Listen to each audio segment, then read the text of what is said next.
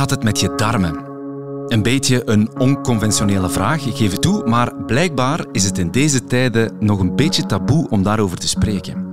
Ik ben Joris Hessels en het houdt mij wel bezig of ik spastische darmen heb, of ik zelf glutenintolerant ben, want waarom heb ik soms een opgeblazen gevoel en waarom laat ik af en toe en soms veel scheten en is dat eigenlijk erg en ernstig? Sorry dat ik hiervoor te veel info geef, maar ik ben dus blijkbaar niet de enige die zich die vragen stelt. Toch niet als ik het nieuwe boek van topdokter en darmspecialist Danny de Loze erbij haal. Zijn boek heet Wat darmen ons vertellen. En dat blijkt dus heel veel te zijn. Tijd dus om mijn vragen op hem los te laten. Vandaag doorbreken we het taboe en hebben we het onder andere over darmflora en ontlasting. Welkom bij deze winderige voorproevers. Voorproevers. Welkom bij Voorproevers, uh, professor Dr. Danny de Loze. Dag Joris. Uh, goeie, goeiedag, welkom. Dokter, u heeft een boek geschreven met de titel Wat darmen ons vertellen. En ik citeer uit uw boek, als ik mag. Darmen zijn het lekkerste, mooiste en beste orgaan van ons lichaam. Maar dokter, wat maakt darmen zo aantrekkelijk? Wel, in de eerste plaats natuurlijk omdat wij er elke dag worden wij er mee geconfronteerd bij onze darmen. Hè. Is niemand die beseft dat zijn hart slaat. Niemand beseft dat zijn longen werken. Maar mhm. we beseffen allemaal dat ons spijsverteringskanaal, onze darmen, dat die werken.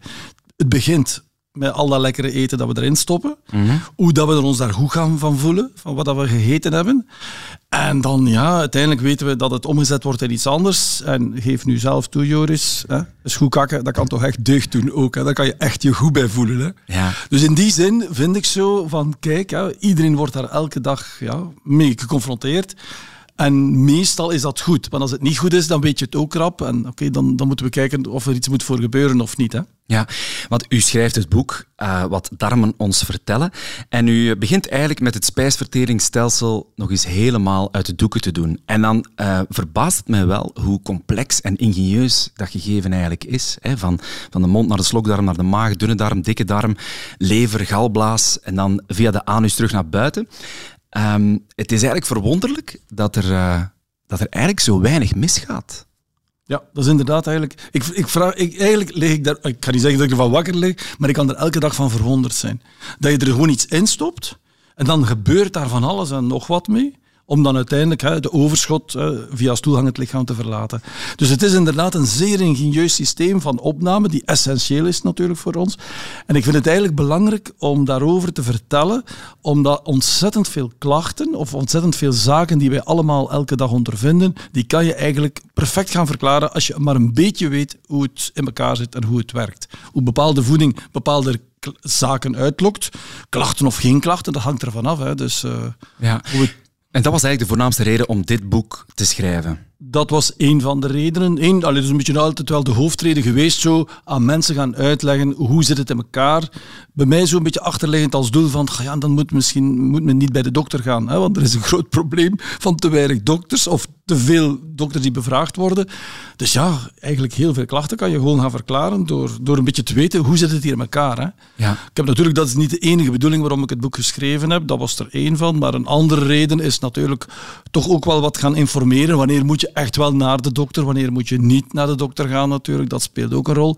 En dan vond ik het ook belangrijk, omdat de dag van vandaag wordt het onderwerp van de spijsvertering zo toch een beetje gekaapt eigenlijk, door, ja, ik wil die mensen niet alternatief noemen, maar zelfverklaarde voedingsgoeroes, specialisten, die van alles en nog wat verkondigen. Soms is het correct, maar meestal is het totaal niet correct.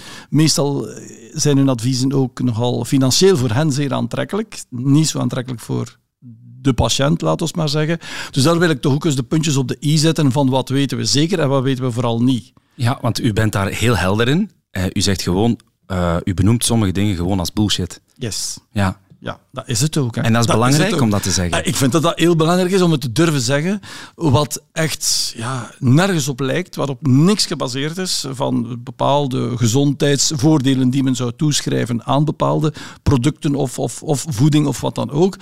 En ja, anderen dan weer wel natuurlijk. Hè. Dus uh, ja, ik vind dat we de zaken moeten kunnen benoemen. Mm -hmm. uh, en als het, ja, als het op niks gebaseerd is, dan moeten we dat ook kunnen zeggen. Hè. Ja, zeker. zeker. Uh, en uh, ik, ik ben een beetje betrokken partij omdat ik zelf heel veel vragen heb over mijn eigen darmen. Omdat ik eigenlijk opgegroeid ben met uh, heel rommelige darmen. En ehm, met de, de volkswijsheid, ja, dat zullen wel spastische darmen mhm. zijn. Dus ik heb met heel veel interesse um, en met heel veel vragen uw boek gelezen. Sommige vragen heb ik beantwoord gekregen. En voor sommige ga ik gewoon eens op consultatie moeten komen, denk ik. Dit is overduidelijk geen consultatie. Um, mm -hmm. Maar uh, wat ik heel interessant vond uh, aan uw boek, is dat je, dat je een link legt tussen de hersenen en de darmen. Je zei daarnet, uh, aan het begin van ons gesprek, is goed kakken, dat kan -hmm. ook deugd doen. Dat kan ook echt een, een, een, een deugddoend gevoel geven. Um, maar er is meer aan de hand. Hè. Er is meer ja. link te leggen tussen de hersenen en ja. de darmen. Absoluut. Wel, ten eerste wij beseffen het allemaal. Hè. Dus uh, bijvoorbeeld uh, stress die aanleiding geeft tot dringend naar het toilet moeten. Iedereen kent het verschijnsel in de tijd met de examens bijvoorbeeld. Hè. Je stond al klaar, je had je kostuum aan, je bent klaar om naar het examen te gaan. Ja, en ineens moet je nog dringend eens naar het toilet. Dat is een typische uiting van hersenen naar de darmen. Hè. Dat zijn bepaalde stressreacties die dat gaan geven. Omgekeerd, vlinders in de buik dat is ook een uitdrukking die we hebben. Of het slaat in mijn buik. Dat zijn in, ons, in ons taalgebruik zit dat allemaal. Dus dat weten we natuurlijk allemaal al heel lang, dat die relatie er zeker en vast is. En ook buikpijn, allee, onaangename gewaarwordingen. Ja, zonder hersenen kan je onmogelijk buikpijn hebben natuurlijk. Hè. Maar zonder hersenen heb je veel andere zaken ook niet. Hè. Dus op zich is geen optie natuurlijk hè, van geen hersenen te hebben. Maar wat er nu wat een beetje nieuw is, we weten ook al heel lang dat heel dat spijsverteringsstelsel dat dat op zichzelf werkt. Dat heeft zijn eigen zenuwstelsel, dat, dat alles regelt. Hè, want slijm afscheiden, enzymen afscheiden, vertering, dat wordt allemaal geregeld via bezenuwing. Maar wij hebben daar geen controle over. Hè. -hmm. Jij kunt niet zeggen, als jij er net een boterham gegeten hebt, met een boterham moet nu nu verteerd worden. Zo marcheert het niet. Hè. Dus met andere woorden, maar dus er is een eigen zenuwstelsel, het darmzenuwstelsel, en die twee zijn met elkaar in interactie. En vroeger dachten we dat het puur enkel alleen was over andere zenuwen. We kennen die zenuwen die daar lopen, die de verbinding maken tussen de hersenen en het ruggenmerg enerzijds en anderzijds de darmen, dus dat weten we. Mm-hmm. Maar intussen, en dat zijn nieuwe inzichten van de laatste, oh ja, ik zou zeggen 20 jaar ongeveer zo, dat is geleidelijk aan, weten we dus ook dat er signalen vanuit die darmen komen rechtstreeks naar die hersenen en dat een deel van die signaalstoffen, want dat gaat via chemische stoffen, dat die door de bacteriën worden geproduceerd. Maar pas op, we zijn nog maar aan het begin van deze kennis. Hè? Mm-hmm. En dat is dus een van de punten die ik in het boek nogal heel duidelijk toch zeg. Kijk, dat weten we. We stellen vast dat bacteriën die stoffen vrijstellen. Maar goed, om nu te gaan zeggen dat dat dan essentieel is en dat we door die bacteriën te veranderen gaan invloed hebben op gedrag en op hersenontwikkeling, dat is nog weer nu een beetje te vergaand. Hè? Dat viel mij ook op in uw boek. Voor een dokter uh, bent u wel heel erg eerlijk over de onwetendheid van, uh, van de wetenschap. Ja, maar dat is de eerste eigenschap van een goede wetenschapper. Hè? Mm-hmm. Iedere wetenschapper weet dat hoe meer dat we weten, hoe meer dat we beseffen hoe weinig dat we eigenlijk weten. Dat is, vind ik, ongeveer de essentie van wetenschap. Hè. Ja, als je, je moet je altijd vragen stellen. En als je tien vragen beantwoord hebt, ja, dan komen er twintig nieuwe vragen gewoon bij. Dat is, uh, dat is hoe, ja, hoe dat onze wereld draait en werkt. Hè. Ja. En gelukkig maar dat die zo werkt, hè, want zo kom je vroeg of laat wel eens tot, uh, tot waarschijnlijk tot de waarheid. Maar ondertussen heb je weer al heel wat andere zaken bedacht natuurlijk. Hè. Ja. Hoe het kan. Maar u sprak daarnet uh, het onvertogen woord uit, bacteriën. Uh -huh. Een van de meest gebruikte woorden in uw boek. Uh, ik heb uh, ook nog andere woorden opgeleid, maar daar komen we straks toe. bacterie is een belangrijk iets waarmee ja, die onlosmakelijk verbonden zijn met vertering. zij helpen ons bij de vertering, let op. Hier moet je opletten met de woorden. Hè. Ja. Um, de bacteriën zitten overal in ons maag-darmkanaal. Ze zitten overal op je huid, ze zitten overal de verbinding met de buitenwereld, maar ze zitten vooral in de dikke darm. Dus de eerste functie van die bacteriën, dat is ons te helpen bij wat wij als mensen niet zelf hebben verteerd. Want wij als mensen, wij verteren niet alles. Hè. Een biefstuk, vlees, laten we zeggen, kaas, dat verteren wij vlotjes. Uh, suikers, hè, wat in brood zit enzovoort, dat verteren wij vlotjes. Maar vezels, wat dat heel gezond is, geen discussie over, wij verteren dat niet. Wij zijn mensen en mensen hebben geen enzymen om vezels te verteren. Maar dat is geen enkel probleem, want uw bacteriën, in uw dikke darm vooral, die doen dat voor u. Dus die helpen ons bij die vertering. Het enige probleem, of het is geen probleem, maar het mechanisme is anders, want zij doen het via een proces van vergisting. En bij vergisting krijg je vrijstelling van noodzakelijke vetzuren. Dat is nodig voor ontwikkeling van je darmcellen. En nog een aantal andere voordelen, zoals voorkomen van ontsteking en zo voorkomen van darmkanker. Hè? Want we weten dat vezels is goed tegen darmkanker. Maar er zijn altijd gassen die erbij vrijkomen. En dus met andere woorden krijg je dus die gassen. En gassen verlaten het lichaam voor een deel via winden, hè, scheten. Je Mhm. hebt het woord al uitgesproken. Ik zou het zelf nog niet rap uitgesproken hebben in zo'n interview. Maar ja, als jij het mag, maar Ja, het ook voilà, natuurlijk. zeker, hè. zeker. We moeten het dus, taboe eh, doorbreken. Hè? Absoluut, voilà. absoluut. Dat taboe moet echt doorbroken worden. Mijn kinderen gaan zeggen, daar is hij weer. Ja, ze zijn opgegroeid. Ze zijn Tussen- opgegroeid tussen in- de winden en de eh, stoelgang. Dat daar allemaal moet over gesproken, vlotjes over gesproken worden. Maar dus goed, en dat, is, dat kan een probleem geven. Dus van, mensen denken soms, "Ga, ik ben niet goed bezig, ik heb opgeblazen buik, eh, ik moet meer vezels eten. Hoe meer vezels dat je eet, hoe meer opgeblazen buik dat je gaat krijgen. Hoe meer winderigheid. Ah, dat is gas die in je darmen zit. Jij sprak daarnet over rommelingen. Ja. Ja, rommelingen in je buik. Rommelingen in de buik, dat is gas die door vloeistof passeert. Dat is zoals je met een strootje in een, in een glas water blaast. Hè. Dat zijn ook rommelingen. Dus dat geluid, hè. Dat, is, dat zijn rommelingen. Dus hoe meer gassen je in je darmen hebt, en dat is bijvoorbeeld als je veel vezels eet, wat dat heel gezond is, maar als je veel vezels eet, dan moet je de gelegenheid hebben om die winden te evacueren. Ja. Dus dat hangt er af van je job. Hè. Ja. En als je een job hebt waarbij je de hele dag met een paar mensen in een kleine studio zit, ja, dan wordt dat lastig. Hè. Ja. Terwijl iemand die natuurlijk de hele dag buiten loopt en buiten werkt, ja, en wij hier in een ziekenhuis, hier ruikt dat altijd een beetje. Hier is ook iets minder nauw. Hè. Ja. Maar dus, ja, daar moet je rekening mee houden. Hè. Dus winden moeten geëvacueerd worden. Hè. Je mag je wind niet ophouden. Hè. Ja, dat is dat- ook zo'n eh, axioma dat ik eh, vaak verkondig. Hè. Ja, maar dat is op zich niet slecht om lucht te hebben eh, door, die, door die vergisting. Nee, absoluut niet, want het hoort er gewoon bij. Maar Ja. mensen met gevoelige darmen, en daar zit natuurlijk wel een groot verschil, mensen met gevoelige darmen, die gaan daar veel meer last van hebben dan iemand anders. Hè. Iemand anders, die geen, als je gevoelige darmen hebt, betekent het onder andere dat als je darm wordt uitgerokken, dat je pijn hebt, dat je onaangenaam gevoel, last hebt in de buik. Dat is prikkelbare darmsyndroom. Ja. En dat heb je natuurlijk meer bij, bij, gas, bij gasvormende voeding. Dus alles wat vezels is. En het gaat niet alleen over graanvezels, hè, dus volle granen, maar eh, kolen bijvoorbeeld, ajuin, look, appels, peren, bepaalde fruitsappen waar sorbitol hè, aan toegevoegd wordt. Want soms voegt men daar zaken aan toe eh, die geen suiker is, maar dat wordt dan wel vergist. Hè. Dus er zijn zo'n aantal elementaire zaken over voeding die men eigenlijk, ja, vind ik, zou moeten weten zodanig dat je kunt soms door kleine eenvoudige maatregelen eh, de klachten veel minder eh, lastig maken. En die ook heel persoonsgebonden zijn. Ja, die zeer eh, individueel verschillend zijn. Hè. Ja, ja. Ja, ehm, want u sprak daarnet al over prikkelbare darmaandoening. Ehm, Dat is ook iets dat heel veel passeert in, in, in, in uw boek. Ehm, daar is ook al heel veel over geschreven. Daar worden ook heel veel indianenverhalen over verteld. Maar wat is daar nu van aan? Wat is dat nu net? Ja. Prikkelbaar darmsyndroom, ten eerste, dat komt voor, tussen, afhankelijk een beetje van de definities, tussen de 10 en de 20 procent van de bevolking. Dus bijna is van veel. 1 op 10 tot 1 op 5 mensen die heeft daar. Nu, wij, iedereen kent het verschijnsel van prikkelbare darm. Bijvoorbeeld, wat ik daarnet al zei, examens, een stress en je moet dringend naar het toilet. Dat is een uiting van prikkelbare darm.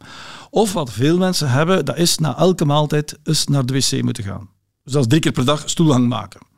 Op zich is daar niks mis mee. Dat is een typische uiting van een gevoelige darmen. Of gaan joggen, gaan lopen en na 500 meter of na 1 kilometer dringend naar het toilet moeten. Dat is een typisch voorbeeld van prikkelbare darmen. Door de beweging dat de dingen Door de beweging, ja, het heeft te maken met bepaalde reflexen die dan zeer actief zijn. Iedereen heeft die reflex wel, maar bij die mensen is die gewoon ja, actiever. En op de duur ja, wordt het, induceren ze het ook, want ze denken, oké, ik ga gaan lopen. Ja, het is te hopen dat ik niet dringend naar het toilet moet. Ja, dan moet je maar beginnen denken en dan heb je weer die hersen-darm-interactie die ontstaat. En, ja, en dan moet je natuurlijk gaan. Hè. Dus eh, mensen die daardoor eh, nog vermijden om buiten te komen. Hè. Dat is, dat is ook zo een van de punten eigenlijk, wat ik nogal belangrijk vind eigenlijk, om daar toch echt aandacht aan te besteden. Er zijn heel wat mensen die niet durven ergens nog naartoe gaan als ze niet op voorhand weten dat daar zeker en vast een toilet is. Er zijn mensen die daarvoor niet meer gaan winkelen in steden. Want in hoeveel steden heb je openbare toiletten? Ja, je kan zeggen, je kan op café gaan, maar ja, goed, er zijn ook niet zoveel cafés meer als vroeger. Dat is allemaal niet evident. En in een winkel gaan vragen van, mag ik hier even dringend naar het toilet? Dat is allemaal niet evident. Hè? En mensen zijn ook gegeneerd en dus ja, leidt dat tot de isolatie. Hè? Dus ja, dus prikkelbare darm, dus dat is één vorm van prikkelbaar darmsyndroom. Dan heb je ook vormen die veel eerder geconstipeerd zijn. Dus mensen die dus moeilijk naar het toilet gaan.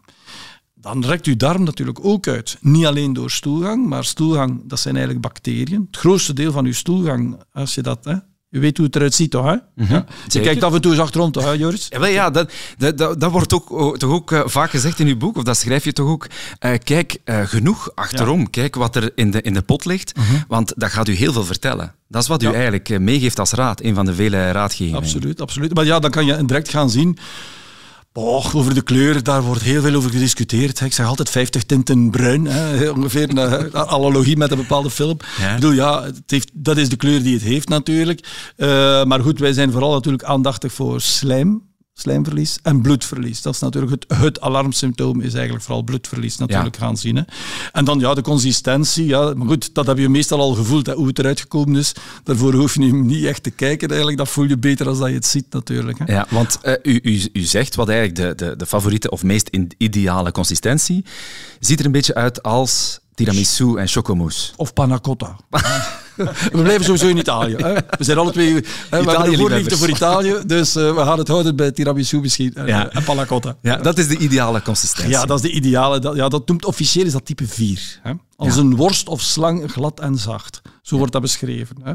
En ik voeg daar dikwijls aan, dan nog aan toe dat de mensen zeggen en dat het makkelijk afwrijfbaar is, dat je niet te veel papier nodig hebt, dat het heel snel proper is. Dat vinden mensen ook het summum eigenlijk. Hè? Enfin, dat is wat mensen bij vertellen. Hè? Patiënten vertellen mij dat allemaal. Hè? Ja. Maar op zich, ja, ik bedoel, ja, dat mag een beetje harder zijn en dat mag een beetje slapper zijn.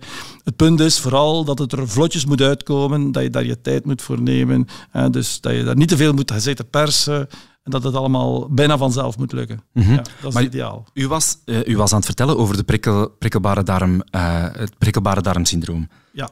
Dus, wel, ja, dus dat was die vorm dus die inderdaad meer geconstipeerd is. Dus Mhm. die hebben een hardere stoelgang. Die, moeten dan, die hebben dan, hè, dat is dan die fameuze types 6 of zoiets. Hè, die, die is dan veel steviger. Eh, die moeten ook meer persen. Die hebben dan makkelijker buikpijn. Die buikpijn gaat dan vaak beter als ze naar het toilet kunnen gaan. Dus dat is een andere vorm. Dat is ook prikkelbare darm. Hè. Maar die hun darmen ja, wordt ook wat uitgerokken door, eh, niet zo direct door stoelgang, maar omdat dus die bacteriën produceren gas. En dat is de reden waarom dat die buik gespannen aanvoelt en soms ook zichtbaar kan eh, opgezet zijn. Hè. Ja. En dus daar gaan we natuurlijk moeten behandelen bij die groep, bijvoorbeeld met eerder met laxeermiddelen. Want als je die mensen gaat behandelen met vezels, en normaal gezien de logica is, ik ga moeilijk naar het toilet, ik moet meer vezels eten. Maar als je prikkelbare darmen hebt, dan ga je misschien wel vlot naar het toilet gaan, maar je gaat meer buikpijn hebben omdat je meer vergisting doet. Dus dat, dat, dat wordt het, dan wordt het wat moeilijk. Hè. Bij iemand die gewoon ja, wat verstopt is, zo moeilijk naar het toilet gaat, is het advies meer vezels eten. En dan komt dat in de regel wel goed. Enfin goed, er zit daar veel variatie op, op die vezels natuurlijk. Hè. De ene vezel geeft betere resultaten dan de andere. Ik ben een grote voorstander van kiwis. Hè, dus, eh, Ja, ik lees Iedereen- het. Ja. ah, ja. Wat maakt u kiwis zo aantrekkelijk voor u? Ja, wel, omdat ze, ze worden veel minder vergist, quasi niet vergist. Dus je hebt, dat nadeel er niet van. Ze hebben drie studies. Hè. Er zijn, ik verzin dat niet. Hè. Dus die kiwis, er zijn verschillende studies die eigenlijk aantonen dat ze een duidelijk gunstig effect hebben, een laxerend effect hebben op de darmen. Ik hoor het ongeveer elke dag van patiënten die mij zeggen, sinds ik twee kiwis per dag eet, ga ik alle dagen vlot naar het toilet. En zeker als daar ook dat voetbankje daar nog eens bij komt, ja, dan, dan is het werkelijk eh, een droom om naar het toilet te gaan. Hè. Dat voetbankje, eh, u alludeert natuurlijk op een, op een ideale positie om naar het toilet te gaan. Mhm. En dat is voor sommige mensen eh, voorzien van een eh, voetbankje. Om eh, een beetje de, de hurkstand het, ja. zoveel mogelijk na Eigenlijk is de hurkpositie sowieso de beste positie om naar het toilet te gaan. Dat heeft te maken, dat is iets anatomisch, omdat daar, er zit daar een knik in dat laatste stuk van onze endeldarm. En door in een hurkpositie te gaan, trek je eigenlijk, door je heupen omhoog te brengen, trek je daar recht. Nu, is niet zo praktisch om op de hurken in onze moderne huizen naar het toilet te gaan. Dus is de, en, en de toiletten hangen veel te hoog, want dat is het punt. Hè. De, de loodgieters hangen onze toiletten te hoog. En dus het gevolg is dat kinderen, hoeveel kinderen hangen daar niet te bengelen met hun beentjes. Klopt, ja. Dat is niet goed. Hè? Dus het is beter dat zij voeten moeten goed stevig op de grond staan. En ideaal is dan ook die hurkpositie. En daarom zeggen we het voetbankje van een winkel die in Zweden ooit ontstaan is. Hè? Die hebben het perfecte voetbankje eigenlijk, 30 centimeter hoog. En dat zet je voor je toilet. En dan zit je op je toilet alsof dat je op je urk zit. Maar dat kun je al in huis halen voor je kinderen ook. Hè? Want het is best dat zij dat ook al doen, dat ze daar niet met die beentjes eh, hangen. Hè? En zonder dat u aandelen hebt, het kost 16 euro. Juist. ik heb jouw boek goed gelezen, uh, dokter. Ja, het staat erin, uh, ja. u, um, u, praat ook over een microbioom. Dat komt heel vaak voor. Ja.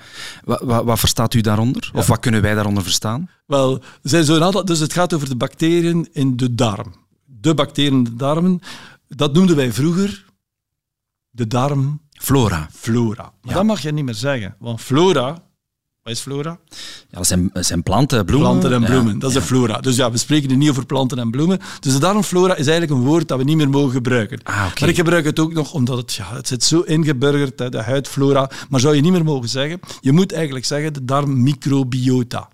Microbiota, micro, micro, microscopisch, onder een microscoop, en bios, leven. Dus de levende organismen, microscopische, in onze darm.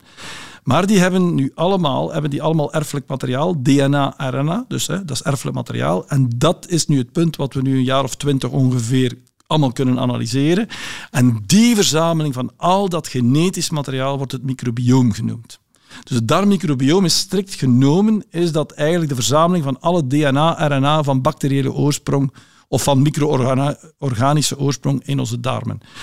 Maar ik moet zeggen dat wij darmmicrobioom en darmmicrobiota allemaal door elkaar gebruiken. Dus als we over het microbioom spreken, bedoelen we eigenlijk de bacteriën. En Oké. ofwel het huidmicrobioom of het darm of het vaginaal microbioom. Bedoel, ja, hangt af van de locatie. Oké, eh, dokter, hoe lang bent u al eh, eh, darmspecialist? Van mijn 30, dus dat betekent ongeveer eh 1, 32 jaar ongeveer. Ja, dat is al een, een hele lange tijd. Eh, zijn die ziektebeelden eh, in de loop der jaren ook veranderd? Die, die, dat prikkelbare darmsyndroom, is dat iets van de laatste jaren of is dat al eh, heel lang aanwezig in onze ja, maatschappij? op zich bestaat het natuurlijk al heel lang, maar eh, het wordt veel meer benoemd.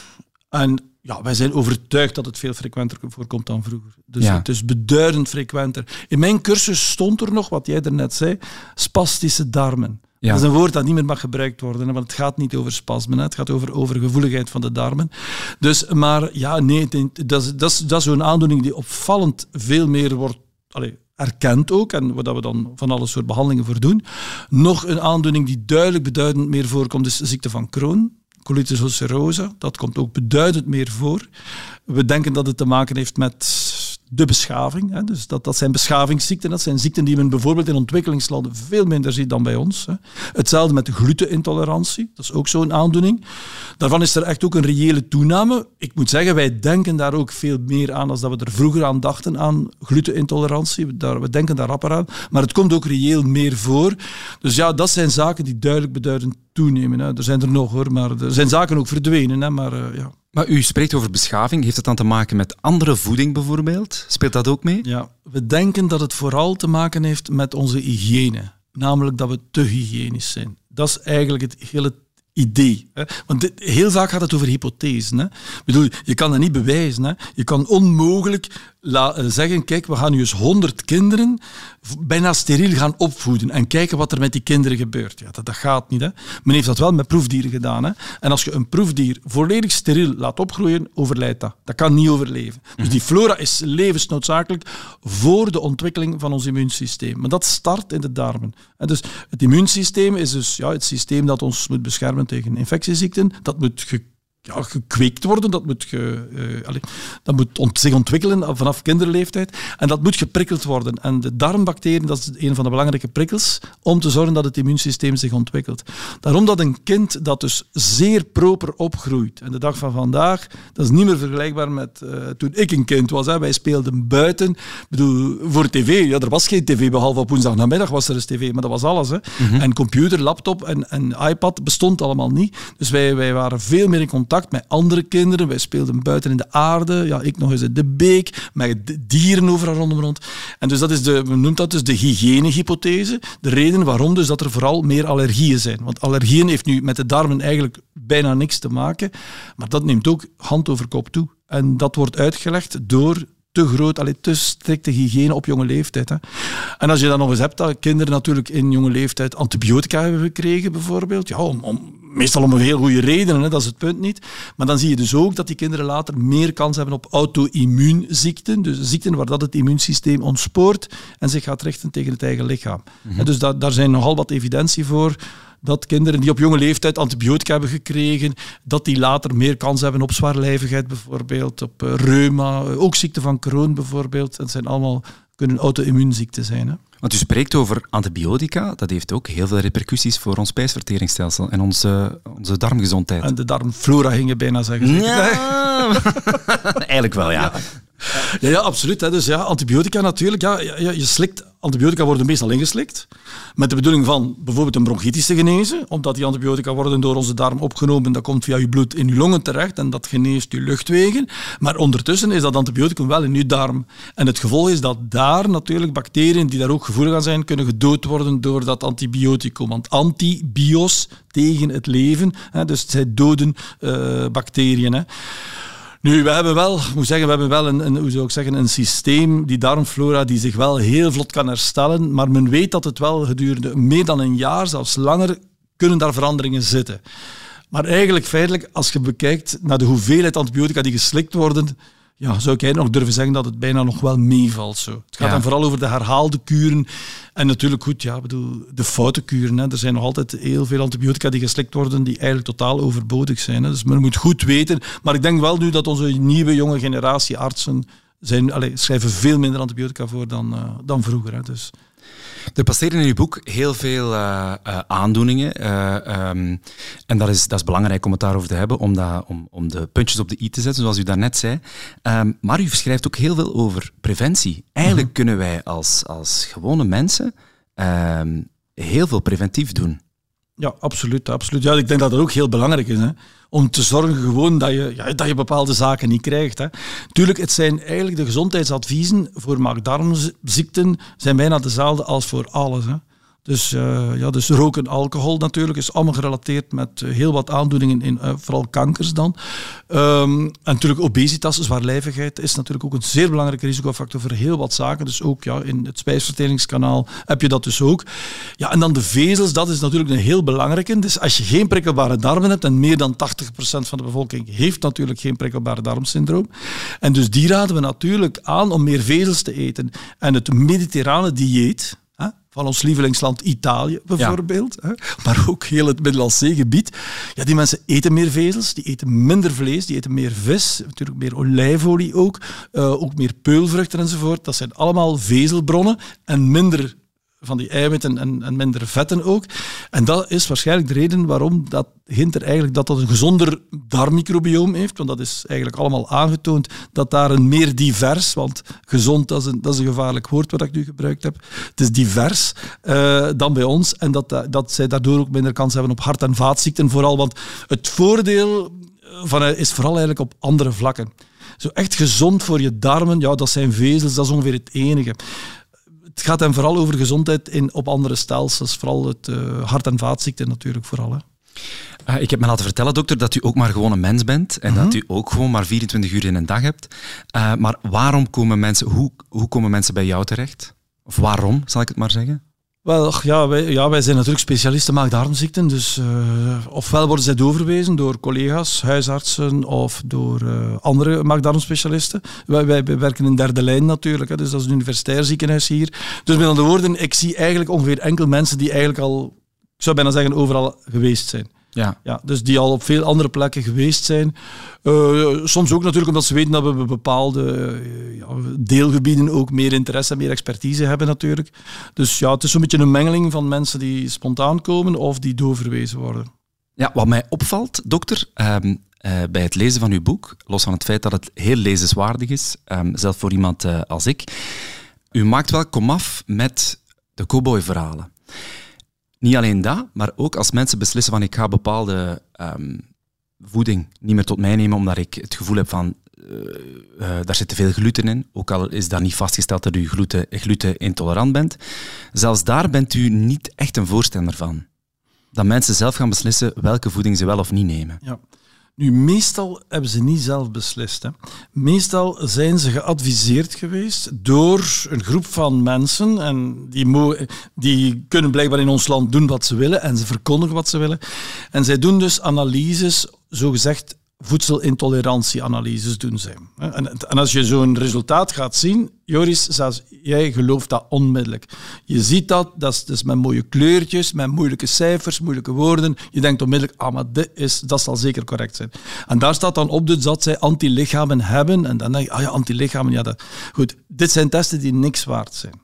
Ik zeg dat niet alleen, dat is al verschillende elk jaar verschijnt er waar ergens van een of andere gezondheidsraad of hoog orgaan. In alle landen hoor, hier in West-Europa verschijnen adviezen, die testen zijn waardeloos. En ze leiden alleen maar tot nodeloze ongerustheid bij patiënten of tot nodeloos vermijden van bepaalde voeding die ze perfect zouden mogen nemen. Dus daar willen we heel zwaar op ingaan. Ik moet zeggen dat ik in het begin, toen patiënten mij die resultaten toonden, ik nogal onmiddellijk vlak af ja, zei, ja, dat is niks waard. En ja, je bent nu je geld kwijt, want dat zijn testen die gemiddeld tussen de 3 en de 600 euro kosten.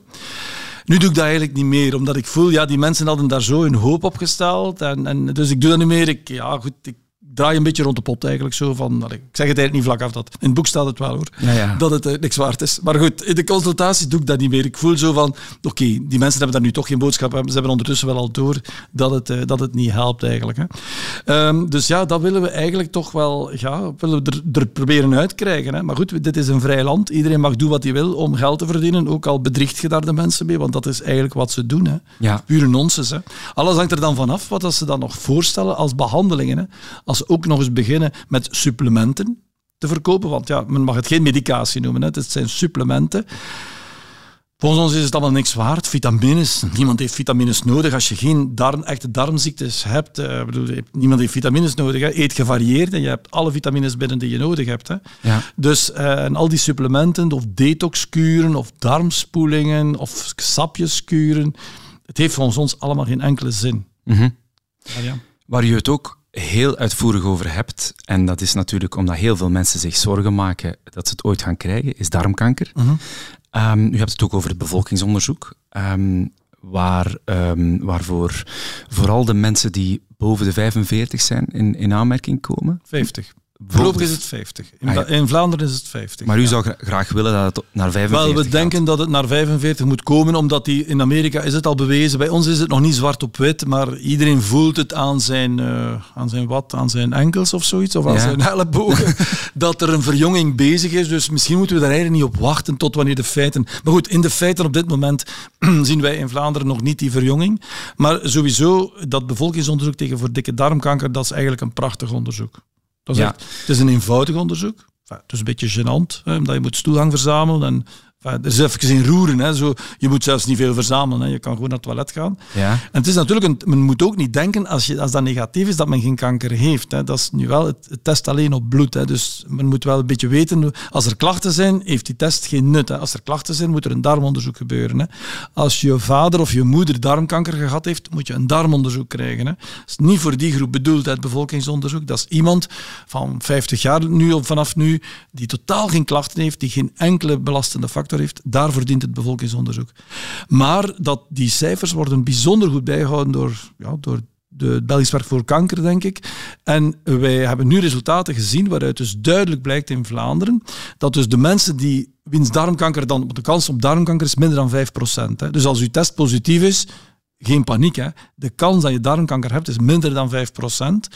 Maar als je dan zou darmkanker hebben, dan ben je in drie kwart van de gevallen zit je in wat we noemen een gunstig stadium. Dat betekent opereren is genezen zijn.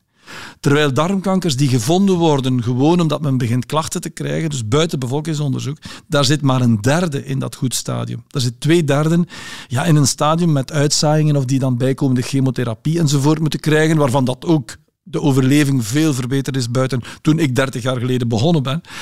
Maar bon, je wilt toch liefst eigenlijk altijd in dat stadium zitten van genezing. En dat is zwart op wit aangetoond met dat bevolkingsonderzoek in Vlaanderen, dat je dus duidelijk verschil maakt. Hè. Ja. Er worden nog tumoren gemist, hè, dus het is nog niet 100%. Hè. Maar dat, dat is altijd bij, bij dat soort testen, kan ik me voorstellen. Maar frappant is wel uh, dat u schrijft in uw boek dat het maar de helft van de mensen daarop intekent. Terwijl het in Nederland bijvoorbeeld 70% is. Ja, dat is een uh, heel bizar gegeven. Hè. Dus waarom dat die Nederlanders nu eigenlijk veel trouwer zijn aan dat soort zaken? Ja, dat zal onze Latijns... Uh, ja, dus wij Vlamingen, ik noem ons, het is een beetje raar om te zeggen, hè, maar ik, ik noem ons het ideale volk eigenlijk. Omdat wij wij hebben, het, wij hebben zo elementen van zuiden, van het Latijnse, maar wij hebben ook zo elementen van dat noorden. Hè. Terwijl Nederlanders, Scandinaviërs, die zijn droog, sec, afgemeten. Alles wat dat Frans, Italiaans, Spaans is, och, ja, we zien wel de God schept dag en we gaan wel zien. En ik vind dat wij zo'n beetje het ideale van de twee hebben. Dat is ook omdat wij op die taalgrens zitten. Hè. Dus wat de cultuurgrens van Europa is, van de Romeinen vroeger. Dus daarom denk ik dat wij zo die dubbele redenering hebben. En dat maakt, denk ik, ook waarom dat, ja, het is dat 50% doet maar mee en dat is nu al jaren stabiel. Hè. Dat gaat niet beter en dat, gaat niet, dat wordt niet slechter. Hè. Ik heb toevallig gisteren een, een thesis zitten lezen over het bevolkingsonderzoek. En dat die 50% dat blijft nu al jaren gelijk. Dus, ondanks alle campagnes krijgen ze dat er niet omhoog. Ja. Maar Nederland inderdaad is 70% doet mee aan het bevolkingsonderzoek. Dus ik hoor u zeggen, dat mag gerust wat meer zijn. Ah, natuurlijk, dat moet meer zijn. Ah, ja. dat, moet, hè, dat, moet, dat moet naar 75% minimum gaan. Hè. Dus uh, dat zou toch minimum drie kwart zou toch moeten meedoen eigenlijk. Hè. Ja. ja. Uh, om dat kracht bij te zetten, dokter, zou ik u nog één gunst willen vragen. Um, uh, het heeft niks met mij te maken, maar of u, als ik dat doe, dan gaat dat uh, heel ongeloofwaardig zijn. Maar ik ga u het, een van de, de laatste passages van, het, van uw eigen boek laten voorlezen. Um, en dat spreekt, denk ik, voor zichzelf. kijk, ik ga u de, um, de tekst geven en dan mag u die gewoon, um, als, het, als het kan. Oké. De boodschap is al honderden keren uitgedragen. Ik weet het, dat is met gezondheidsadviezen meestal zo. Eet gevarieerd en vezelrijk. Beweeg wat meer. Probeer goed te slapen en je stress te managen. Kijk uit met bepaalde medicatie en doe mee aan het bevolkingsonderzoek voor darmkanker als je ervoor in aanmerking komt. Darmkanker is gemakkelijk te genezen als het vroeg genoeg wordt opgespoord. Ik hoop dat ik voldoende heb aangetoond dat dat kan lonen. Ga naar de dokter als je stoelhang opeens verandert, als je pijn hebt of als je bloed in de ontlasting vindt. Heel helder gezegd, uh, dokter, dank u wel. Um, veel meer is er te vinden in het uh, boek Wat Darmen ons vertellen van Danny De Loze. Meneer De Loze, dank u wel. Wil u meer voorproevers horen? Dat kan natuurlijk. Ze staan allemaal netjes verzameld op VRT Max onder de noemer Voorproevers. Wat mij betreft tot volgende keer. Dank u wel om te luisteren.